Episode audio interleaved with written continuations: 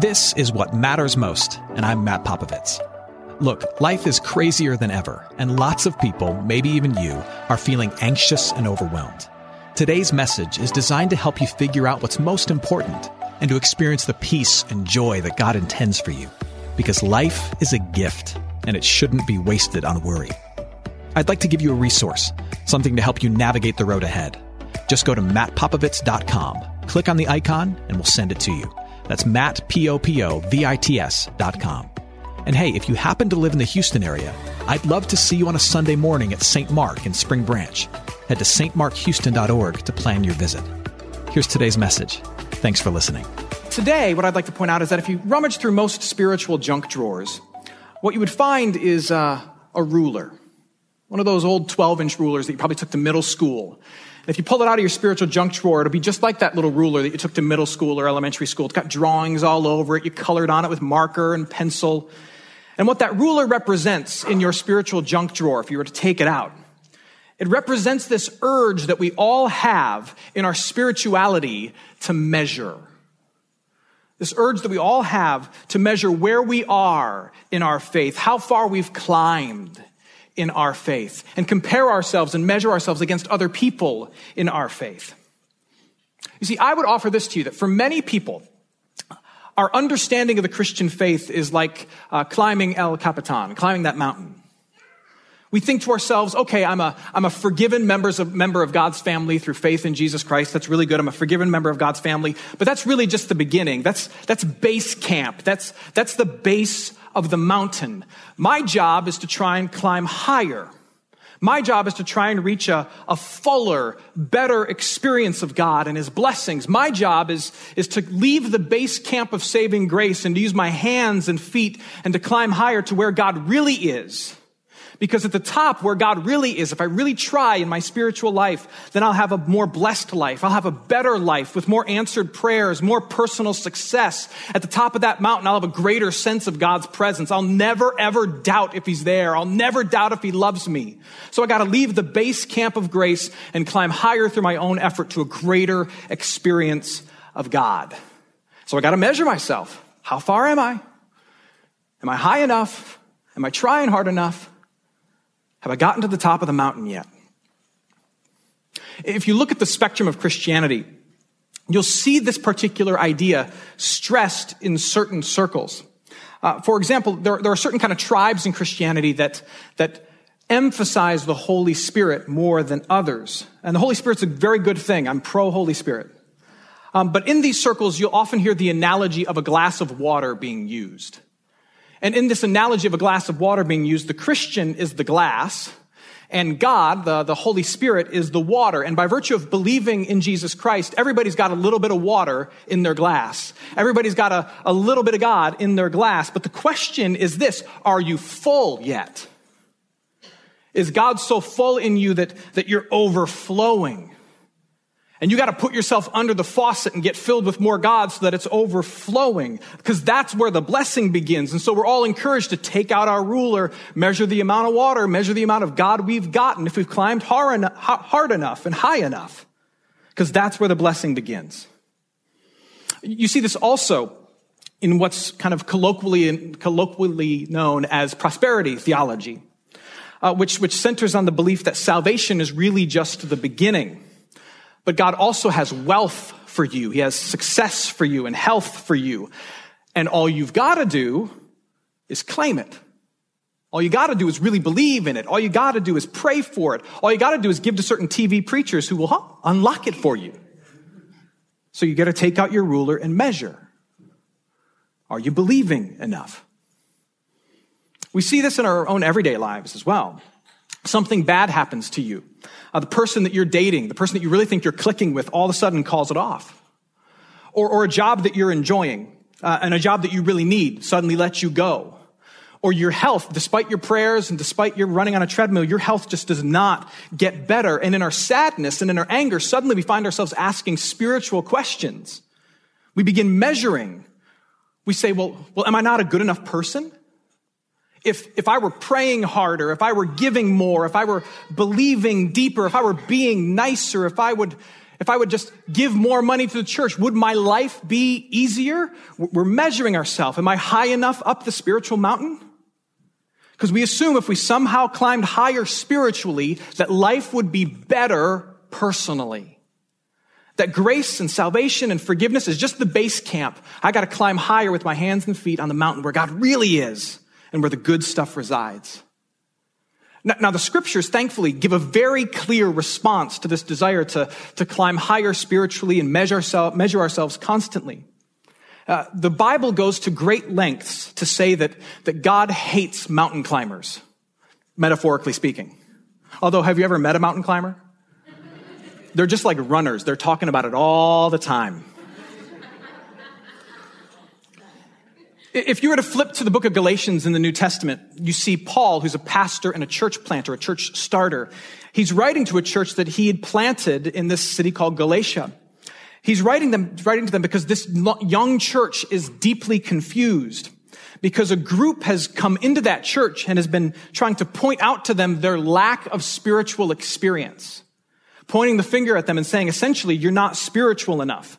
Saying to them, well, sure, you have faith in Jesus, but that's basic. You haven't followed these specific customs. Do you want to know why your life is such a mess or why you aren't as close to God as us and why you, you aren't as spiritual as us?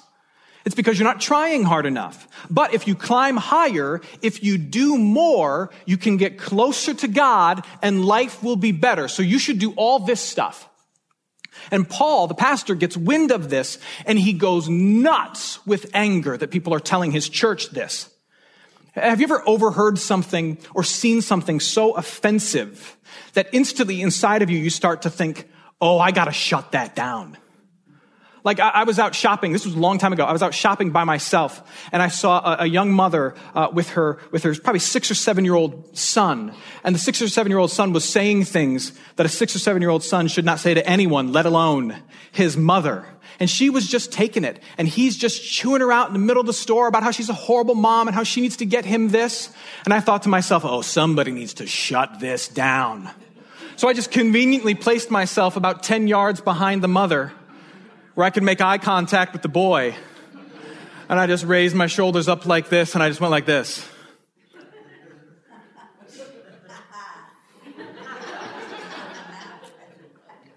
He was a good boy. Paul gets wind of this and he writes the letter of Galatians. And he writes this letter condemning the idea of measuring our spirituality and climbing to higher spiritual heights. He says this. He uses strong language here. He says, Oh, foolish Galatians. A literal translation would, there, would, could literally be translated as stupid Galatians. Who has bewitched you? A 1960s sitcom. It was before your eyes that Jesus Christ was publicly portrayed as crucified. Let me ask you this. Did you receive the Spirit, uh, the Spirit being the Holy Spirit and a sign of membership in God's family, by works of the law or by hearing with faith? In other words, by being a good person or by simply receiving the message of Jesus Christ? For all who rely on works of the law are under a curse. For it is written, cursed be everyone who does not abide by all things written in the book of the law and do them. In other words, if you're going to try and be a good person, you better be perfect. Now it is evident that no one is justified, declared not guilty before God by the law, for quote, the righteous shall live by faith. Here's what he's saying. Think this through. You didn't enter God's family through your effort. You didn't enter God's family by keeping the law. You entered God's family through faith in the promise of a crucified and resurrected Jesus. That's it. So what makes you think now, no matter what these crazy people are saying, what makes you think now that the rules have changed and that you'll get more of God by being a good person? In fact, Paul says, to believe that is to invite a curse onto your life. It's to invite an unbearable burden onto your life. Thinking that the secret to life is climbing some spiritual mountain where you get more of God or better from God is a burden because you can bloody your hands and bruise your feet all you want. You can camp out on that side of the mountain called being better, being more spiritual all your life you can hang out on that rock for years, and what you discover is that you will never arrive. We don't get closer to God. We don't get more of God. We don't get greater blessings from God by being better people for God. We have all of God through faith in the Son of God. Period. So put your ruler away. That's the message from Paul. You have all of God. All his mercy, all his grace, all his forgiveness, all his spirit, all his power, simply through belief and baptism into the name of the Son of God. Now, I understand that this, this begs certain logical questions, and being an incredibly logical guy, I will go there with you. I hope you're enjoying today's message. For more of what matters most, you can head to mattpopovits.com. There you'll find other messages. You can support this ministry as well as access your free gift. Oh, and if you're looking for a local church and you live in Houston, come and see what's happening at St. Mark Houston. To plan your visit, head to stmarkhouston.org. Thanks for listening, and back to today's message. This begs certain logical questions. One of the questions might be this Well, then why is my life a mess right now? Or what about praying and growing in my faith and being a nicer person? Don't those things matter? Doesn't God want me to do those things? Don't those things bring with them certain benefits? Those are great questions. Let's reflect on that for a moment. Have you ever considered that the primary reason bad things happen is because the world is simply broken? Have you ever considered that the number one reason bad things happen in your life and everybody else's life is because the world is just broken and maybe it has nothing to do with God not liking you and maybe it has nothing to do with God being somehow far from you. Have you considered that? For those of us who've, who've grown up in the church, and I know that some of us haven't, but, but for those of us who have, you, you'll know the answer to this question. What's the primary metaphor that God uses to describe our relationship with Him? The primary metaphor is father. And how do good fathers operate? How do good fathers operate? Sure, at times a good father will offer incentives. Like yesterday, I offered my, my daughter 30 bucks if she would rake the leaves in the backyard. She didn't take the deal. Sometimes, sometimes fathers will offer incentive, but a good dad doesn't. A good dad doesn't say, hey, you're in the family. But in order to get certain necessary things, you're in the family, but in order to get hugs and kisses and kindness and encouragement and food, you got to be really good. If a dad did that, a dad would be horrible. And some of you, some of you grew up with a dad like that and you know how horrible that is. For someone to demand goodness from you in order to give the basics to you. That's not how God the Father works. I mean, if anything, the opposite is true. The more rebellious the child, the more at risk the child, the more struggling the child, the closer the father to the child, hovering over, watching out, and speaking truth. Likewise, growing in faith being a person of prayer, being a good neighbor to, to others are all important things. But if you choose to ignore the call to pray and to grow in your faith and to love other people, if you choose to ignore that and instead to lock yourself in your room like an angry teenager, are you any less loved? No, you're just a dumb kid.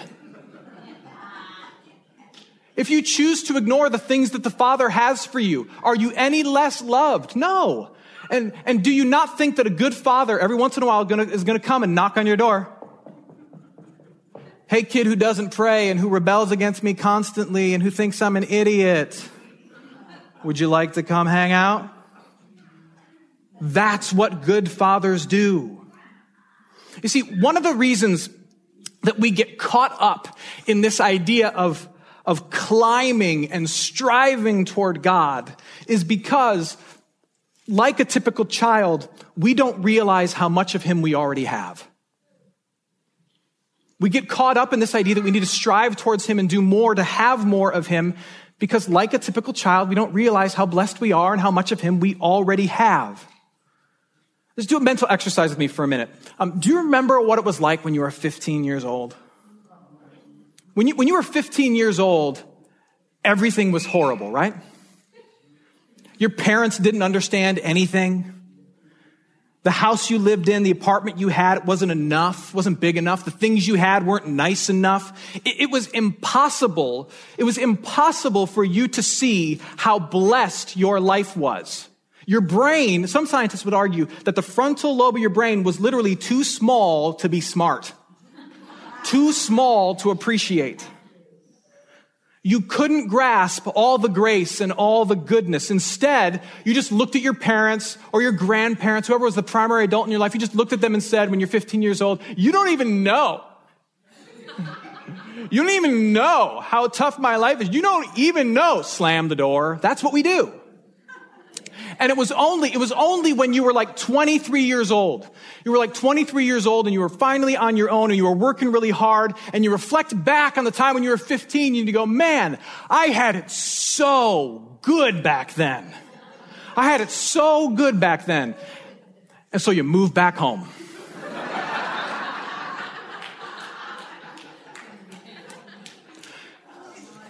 we, in our spirituality, we are 15, not 23. In our spirituality, this side of eternity, we are constantly 15 and not 23. We constantly think we have it bad. We don't realize how much of Him we have. The truth of it is that we are, no matter our circumstance, we are at the top. The only mountains that exist are the ones that you craft, that you want to climb. The mountain called ambition at work, the mountain called success among your peers, the mountain called a wealth of money, the mountain called perfect health. Those are your mountains, not God's. Those are the mountains you craft and I craft and we climb up them and they don't get us closer to Him. They often distract us from Him. The truth is we have the love of the Father through the work of the Son. Our God who made us is near us now, not on some higher peak commanding us to climb. That's the truth. And Paul goes on to stress this point. He says that Jesus Christ, through his death, has secured our family status. Galatians 3 verse 13, he says, Christ redeemed us from the curse of the law by being a curse for us. For it is written, cursed is everyone who is hanged on a tree. That's a reference to the cross. So that in Christ, in Christ Jesus, the blessing of Abraham might come to the Gentiles so that we might receive the promised spirit through faith. Here's what Jesus, here's what Paul rather is saying. He says that Jesus Christ climbed the mountain of being good that separates humanity from God for us so that we can enjoy full family status. That's what he means by blessing of Abraham. You're in God's family. We have all the promises, all the love, all the mercy, all the comfort is ours. Even if you're a mess, uh, Christians have maintained since the very beginning that God generously makes himself known in three primary ways to the world. The first is that he makes himself known through his creation. We remember him when we see the beauty of creation. Now, you yourself, you may not be a Christian, but you must admit, you have to admit this. Even if you're a staunch non-believer, you must admit that the beauty of creation has at least caused you beg the question of a creator. In creation, we are, we are awakened to a general sense of God's reality. And that's why human beings find it so helpful, especially in the city, to get out and see the beauty of what God has made and to remind ourselves as we look at the beauty of this creation, okay, He's not far off. He's put all of this right here. So that's the first thing. Now, creation only reminds us of God's immanence in generalities. You, you can't go walking uh, through Northern California, pick up a redwood tree, and on the bottom of it see the name Jesus printed there. It won't tell you that. And the stars don't align to tell you God's promises. So if we want specifics about this God who is close and not high on a, not high in a mountain, uh, second thing we do is we go to his people. Christians believe that if you want to feel the physical presence of God, we need to be close to his imperfect church. I don't know if you know this, but when someone is feeling like God is far away, those of us who, who are followers of Jesus, we are supposed to, through our words, through our uh, encouragement, through our touch, through our text messages, through our coffee dates, we are supposed to bring God close. When someone feels that God is far away, the church is supposed to bring God close. And that's why, that's why community, like connecting together with one another, Community is so critical. We all say we want to experience God. I want to feel the presence of God, but we can't do that without spending time with his bride, the church. We say we want an experience of God, but we can't do that without spending time with his bride, the church, because God chooses to do most of his comfort and caring through the wonders of his wife, the church. That's how he comforts and cares for the world. Third, and the biggest one, most importantly, God speaks with power and in particulars about how close he is through his word. We strive so hard to get some sense of his approval, to measure ourselves, and yet God has given us that approval and more written down here for us to access, for us to hold tight to, for us to be challenged and changed by. And most of all, he's taken all of these promises and he's taken all of his truth, all of his power, and he's wrapped them up into one place in one person, Jesus Christ.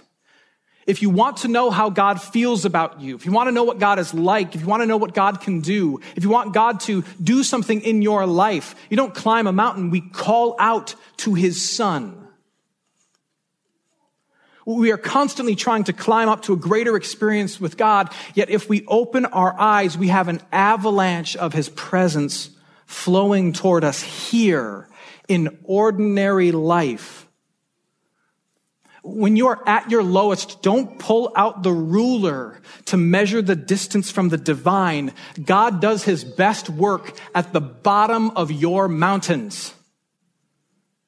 Look at his creation reach out to his people, lean on his promises. Through those things, he is near you. A story is told that years ago at a conference on comparative religion, uh, a debate arose. Uh, a debate arose among the attendees and the conference speakers about the uniqueness of Christianity. And some of the speakers began to get uh, very forceful in saying that, that what sets Christianity apart is the incarnation. Uh, the truth that, that God took on flesh in the person and work of Jesus Christ. And others argued, they said, well, no, there's, there are somewhat similar beliefs in other spiritual traditions. That's not what makes Christianity truly unique. And so others argued that it was the belief in resurrection, that this belief that, that all flesh will rise at the return of Jesus Christ. And then someone said, no, no, that doesn't make Christianity unique. Islam and Judaism, they believe in a resurrection from the dead as well. And so the debate got louder and louder. And then finally, at the height of the debate, C.S. Lewis walked into the room. C.S. Lewis walked in the room, who was and continues to be a, a, giant in Christian theology. He walks in and he's looking very much the part of a professor. He's wearing a tweed jacket. He's got a stack full of papers. His hair's messed up and he's distracted about something like, you know, the Chronicles of Narnia or something. And, and the, the passion of the argument kind of stirs his attention and he asks one of his colleagues, what's all this about? And one of his colleagues looks at him and he says, well, we are debating the uniqueness of Christianity. And C.S. Lewis was said to have immediately rolled his eyes and said, that's easy. And he walked to the podium. He tapped the microphone and he offered one word, grace. And he walked away. The uniqueness of Christianity is the belief that the fullness of God is given to the emptiness of men. Without bloodied fingers, without bruised feet, without climbing a mountain, he gives the fullness of himself to empty people. He requires nothing of us because he knows we can give nothing to him. When you feel like God is far away, remember this. He's not off on some mountain. No. Through the work of Jesus Christ, He has carried you to a mountain called mercy where He resides with you forever. Hey, it's Matt. I hope you enjoyed what matters most. Here's what I need you to know life is a gift and it shouldn't be wasted on worry. I want to help you figure out what's most important and to experience the peace and joy that God intends for you. So for more content, you can head to mattpopovits.com. That's Matt, P-O-P-O-V-I-T-S.com. There you can also support this ministry, as well as access your free resource, a little something to help you navigate the road ahead. I'd also love to see you on a Sunday morning. If you're in the Houston area, head to stmarkhouston.org to plan your visit. In the meantime, hit me up on Instagram at mpopovits or at facebook.com slash mattpopovitsministries. Thanks for listening. Now go and hold tight to what matters most.